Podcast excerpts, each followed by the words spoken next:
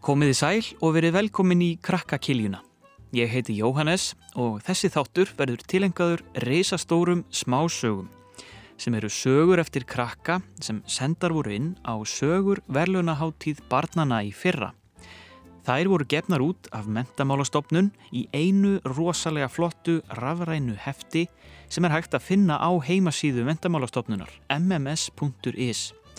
Þar eru allar 20 sögurnar með fallegum myndskreitingum og formála eftir rituundin og vísindamannin Ævar Þór Benediktsson. Í þessum þætti ætlum við að hlusta á nokkrar sögur úr heftinu og það er gett í neina býða risastórar smásögur. Gjör þið svo vel.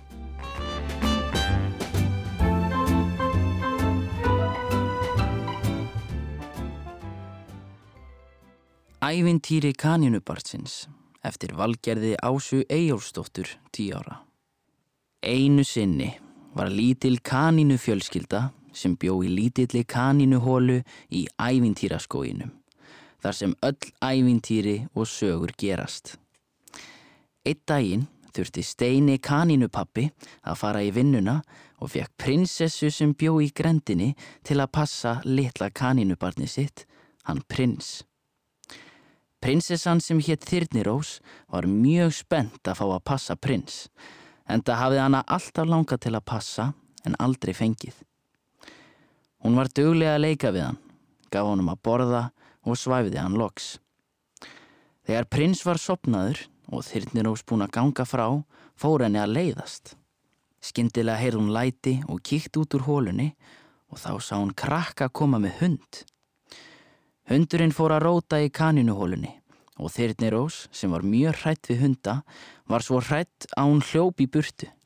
Hún hljóp og hljóp, þangað til hún taldi sér vera óhætt, en þá komst hún að því að hún hefði glemt prins í hólunni. Hún ákvaði að vera hugrökk og fara tilbaka og ná í prins því ekki gæt hún látið að komast upp að hún hefði glemt honum því þá fengi hún aldrei að passa aftur. Þegar hún kom tilbaka sá hún að prins var horfin því krakkarnir höfðu tekið hann og farið með hann heim til sín og læst hann inni í kanínubúri. Nú var þyrnir og svo hrætt að hún ákvaða að segja Steina kanínupappa alla söguna. Steini kanínupappi ringdi samstundis í kanínu lögregluna og leta hann að vita að barni sitt var í horfið. Það hefðu komið krakkar með hund sem hefðu sennilega tekið það. Nú voru góður á dýr. Kaninulögan talaði við músasveitina en í músasveitinni voru bestu leini lögreglur ævintýraskóarins. Mísnar komist að því hvar prins var. En þar sem þetta voru mís voru því ekki með hendur og kunnu ekki mannamál, gáttu þeir ekki bankað á húsi hjá krökkunum og beðið um prins og því urðu þeir að finna leið til að frelsan. Þar lögðu því heilan í bleiti og uppgötuðu að eitt þeirra ætti inn í greiða hjá hundi krakkana en þegar hann var lítill kvolpur hafði hann verið á vergangi og músin hafði þá frelsaðan frá grimma hundafangaranum. Eftir það hafði hundurinn lofað músinni að ef hún þyrti einhver tíman á hann að halda skildi hann hjálp henni. Á þetta örðu þau nú að treysta. Um kvöldið þegar allir voru sopnaðir í húsinu lætist músininn til fundar við hundin. Hundurinn varð hissa þegar hann sá músina en vissi um leiða hún þurfti hjálp og hann hugsaði með sjálfum sér þetta er gott, nú get ég staði við lofarið mitt og hjálpað henni eins og hún hjálpaði mér einu sinni frá grimma hundafangaranum. Músin sagði hundinum alla söguna og að nú þyrst hún að ágreiða hans að halda. Hundurinn vissi ekki hvernig hann ætti að fara að því að endurgjálta músinni þennan greiða. Þegar þau hafðu rætt lengi saman ákvaðu músin og hundurinn að daginn eftir skildi þau frelsa prins þegar börnin var að leika við hann. Þau ákvaða að allar mísnar í músasveitinni myndi hlaupa inn í húsið og hræða börnin á meðan hundurinn tæki prins í kjaftin eins og lítinn kvolp. Síðan átti hundurinn að hlaupa með prins út þar sem kanínupappi byðans. Músin fór á fund við hinnar mísnar í músasveitinni og sagði þeim frá áalluninni. Mísnar eruðu spentar og þær hlökkuðu til að fást við svona stórt verkefni. En þær undirbyggu sér líka með því að reyna að hræða hver aðra. Þær týstu eins hátt og þær gátu, síndu tennurnar og hlöpu hratt um alla músasveita stöðina. Eftir æfinguna fóru þær svo heimti sína að sofa en ákvaða hittast morgunin eftir fyrir utan húsið þar sem prins kaninungi var í haldi. Morgunin eftir hittust þær á samt steina kaninupappa sem átt að taka á móti prins um leið og hundurinn hlipi út með hann. Ráðabruggið hefnaðist vel því um leið og krakkarnir sáu allan músafjöldan sem var komin inn til þeirra hlupuði út um bakdýrnar því urðu svo hrætt við mísnar. Hundurinn gatt því auðvöldlega fyllt prins út til pappa síns. Öll dýrin í ævintýraskóginum urðu svo glöð þegar búi var að bjarga prinslitla að það var haldinn veistla í skóginum með hlaðborði og fullt af drikkjum og leikjum og að sjálfsögðu voru allir í músasvitinni og hundurinn heiðraðir og fengur sérstaka stjörnu fyrir að hafa bjargað prinsi kaninunga. Þetta var sagan Ævintýri kanínu barnsins eftir valgerði Ásu Eyjólfsdóttur 10 ára. Næsta saga sem við heyrum fjallar um múmjur.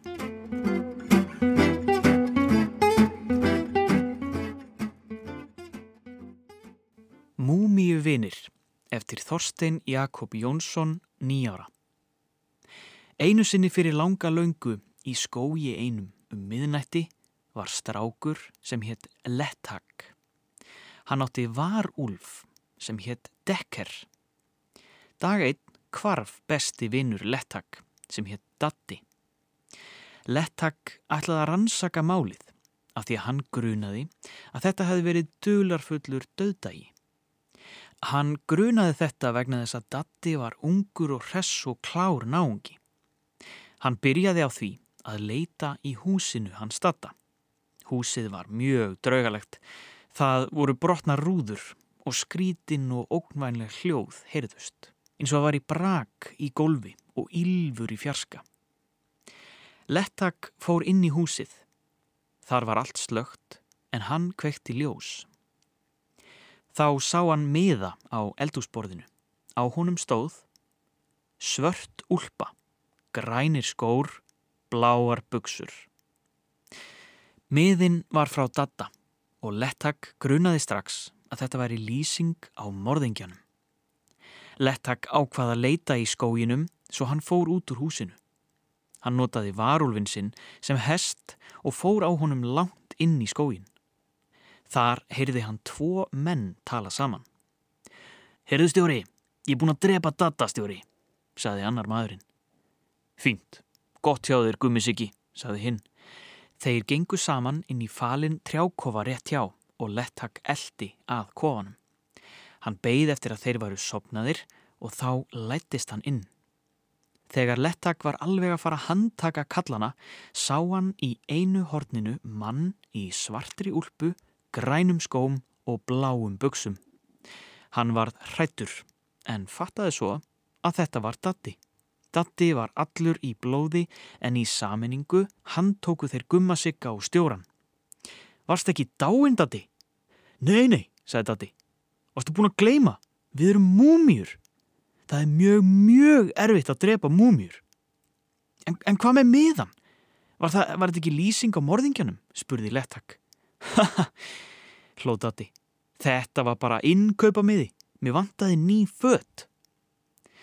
Múmíuvininir Lettak og Datti fóru að skelli hlæja og skelltu sér á næsta veitingahús og fengu sér gómsæta pítsu. Þetta var sagan Múmíuvinir eftir Þorstein Jakob Jónsson nýjára. En það er komið að þriðju sögunni, hún fjallar um draugagang. Hver er ég? Eftir Ernu Tómasdóttur, 10 ára. Hæ, ég heiti Móei og ég er 7 ára. Ég á heima í tvíbillishúsi rétt hjá laugadalslauginni og mér finnst skemmtilegt að fara í sund og að leika mér. Við erum einmitt að fara í sund núna. Það er svo gaman í sundi. En vestið þó þegar við þurfum að fara upp úr. Við göngum út í bíl og keirum á stað. Krass, við lendum í árekstri. Það verður allt svart. Það eru sjúkrabílar allt í kringum okkur.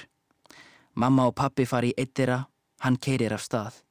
Kanski tekur enginn eftir mér, en allavega er ég skilin eftir. Ó nei! Ég hleypa á eftir bílnum svo hratt að mér finnst að ég fljúi. Þegar mamma og pappi kom af spítalanum og ganga inn í bíl er ég mjög fegin að það sé allt í lagi með þau. En þau eru mjög niðurlút og tala hvorki við mig ný horfa á mig. Við erum komin heim. Mamma leggur á borð fyrir tvo. Skrítið. Kanski er annarkvort er að fara eitthvað. Pappi er að elda og ég spyr hann hvað sé í matinn en hann svarar ekki. En þegar þau setjast bæði og kalla ekki á mig í mat, fer ég bara inn í herbergi og fer að sofa. Næsta dag er ég ekkert svöng, þótt ég hafi ekki borðað kvöldmatt. Mamma og pappi er inn í stofu að tala eitthvað um að selja dótið mitt. Nei, ég vil ekki gefa allt dótið mitt. Ég hrópa en þau takk ekki eftir mér. Svona líða margir dagar og ég borði ekki neitt. Dótið mitt týnist til frænda og frængna og til góðgerarsamtaka. Mér líður mjög undarlega með að mamma og pappi tala ekkert við mig. Kanski var bílslýsi svona mikið áfall fyrir þau. Mamma og pappi eru komin út í bíl. Ég drýf mig á eftir þeim. Mamma talar eitthvað um að við verðum á sein út af umferðinni. Við erum komin en af hverju í kirkjugarð? Mamma og pappi leggja blóm ofan í gröf sem er verið að fara að loka. Þau fara að gráta. Ég líti ofan í gröfina. Þar er opin kista. Hæ? En þetta er ég? Ég verð hrætt og stekk í fangmömmu og pappa en dett á stjettina fyrir aftan þau. Þau ganga út í bíl en ég verð eftir. Ég er einn. Ég heyri rattir kalla á mig. Ég sekk ofan í jörðina. Svo verður allt svart.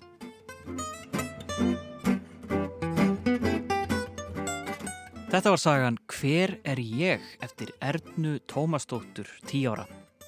En næsta saga fjallar um mús.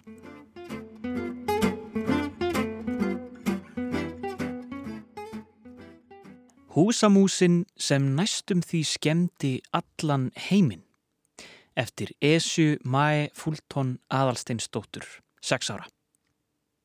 Einu sinni voru Karl og Kerling í litlu húsi á Grettisgötu 12C í Reykjavík. Karlinn og kerlingin fóru út úr húsinu sínu til að fara í Brynju á lögaveginum. Þá kom mús sem hétt Nína og átti heima í skógi rétt hjá. Músin fór inn í húsið þeirra. Inni í húsinu var vél sem músin fór óvart ofan á. Hún hafði verið að lappa um húsið og ekki verið að horfa í kringum sig og steig óvart á takka og vélinn fór í gang. Karlinn í húsinu hafði smíðað þessa vél handa öllum heiminum svo enginn þyrti að gera það sem þætti leiðinlegt en hún var ekki tilbúin. Það vantaði nokkra hluti sem þau fóru að kaupa í Brynju. Þegar músin steg á takkan þá stækkaði hún og varð jafn stór og húsið og svo blandaðist músin saman við húsið og breytist í skrýmsli. Allir urðu svo hrættir og byrjuð að öskra hræðslu. Karlinn og kerlingin heyrðu alla öskra og hlöpu tilbaka en þá var það of seint. Húsið hafi breyst í mús og músin í hús. En Karlinn og kerlingin höfðu lesið það í skrýmslabók að ef þú gefur skrýmsli eppli þá munna geta epplið og róa sig niður. Þau náðu í eppli og gáfu skrimslinu það og músahúsið aðskildist og breytist aftur í hús og mús. Músin minkaði aftur niður í venjulega músastærð. Karlinn og kerlingin fóru aftur heim og músin fór aftur heim í skógin að borða kvöldmatt með fjölskyldunni. Allir voru heima og rólegir um nóttina. En músin og fjölskylda hennar voru að eignast lítið barn, pínu lítið músa barn. Núna var Nína litla skóarmús orðin stóra sýstir og nýja litla sýstir hennar Nínu fekk nafnið Lala.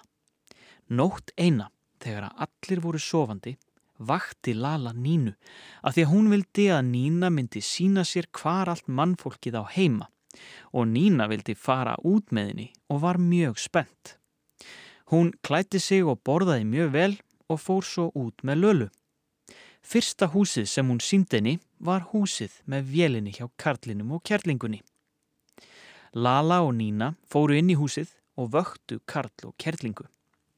Þegar þau sáu Nínu og Lölu mundu þau eftir að Nína var stóra skrimslið sem blandaðist húsinu þeirra og sögðu Fyrirgefðu okkur litla mús að þú hefur stíð á takkan og vélin okkar. Nína varð ekki hrætt en Lala varð mjög hrætt. Þannig að þær fóru beint heim til sín og sopnuðu og allir voru heima sofandi. Karlinn og kerlingin geimdu vélina framvegis í leyniskáp til þess að engin fleiri dýr myndu óvart stíga á hana. Þetta var sagan Húsamúsin sem næstum því skemmti allan heiminn eftir Esju Mæ Fúltón aðalsteinstóttur, 6 ára. En þá er komið að síðustu sögu kvöldsins.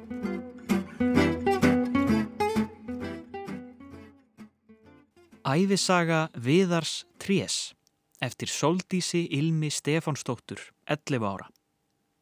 Halló, þetta er ég, Viðar.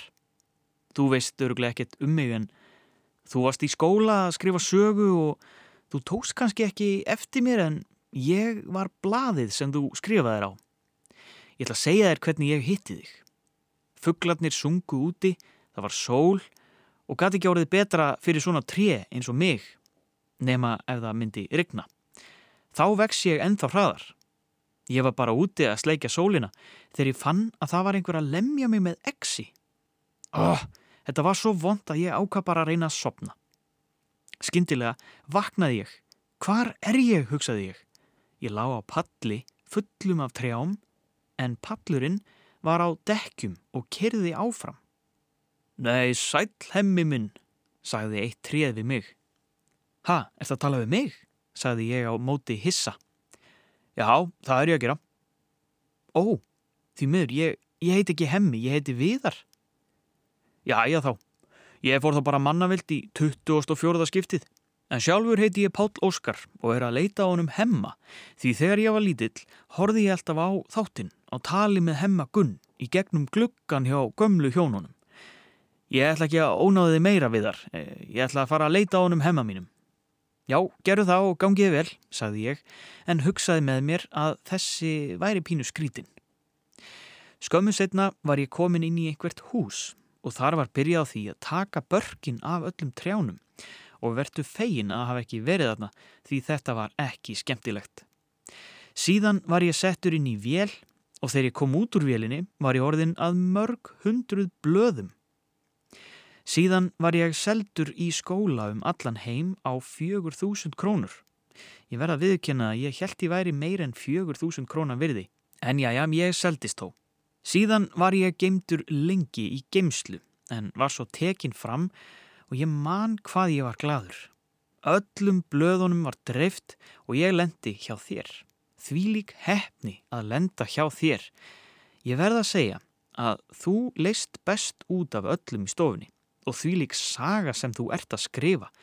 Hvernig fegstu þessa hugmynd? Þú er að segja mér hana síðar því nú er ég inn í möppu og er aldrei tekin upp og lesin fyrir aðra. Bara í eitt skipti þegar allir í bekknum átt að lesa söguna upp. Ég verð svo leiður þegar enginn les mig. Það sem ég óska heitast af öllu er að vera lesin oftar.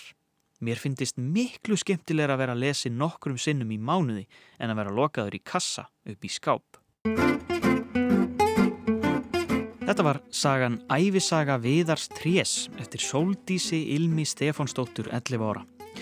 Þá erum við búin að heyra nokkrar af þeim frábæru sögum sem finna má í reysastórum smásögum sem sendar voru inn á sögum velunaháttíð barnana í fyrra. Lesarar í þættinum voru Mikael Emil Koper og ég, Jóhannes Ólafsson. En það er komið að lokum hjá okkur í kvöld. Ég mæli með því að þið farið og lesið söguheftið sem er hægt að finna á vefsíðu mentamálastofnunar mms.is. Og ef þið krakkar eruð sjálf að skrifa sögur og vilji vera með í sögukeppninni, megið þið endilega senda þér á okkur. Það er hægt að gera það með því að opna krakkarúf appið í síma eða spjaltölvu og senda inn á vefsíðunni krakkarúf.is. Við heyrumst í næstu krakkakilju. Bless í byli.